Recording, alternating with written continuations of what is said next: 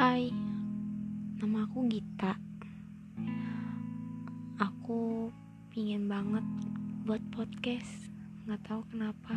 Padahal nggak ada tuh di dalam diri jiwa-jiwa penyiarnya, apalagi jiwa-jiwa penulisnya. Pokoknya anaknya nggak puitis deh, tapi aku pengen berbagi cerita tentang pengalaman aku, pengalaman cintaku sama sahabat-sahabat aku. Pokoknya buat kalian semoga seneng ya dengerin podcast aku. Salam kenal semuanya.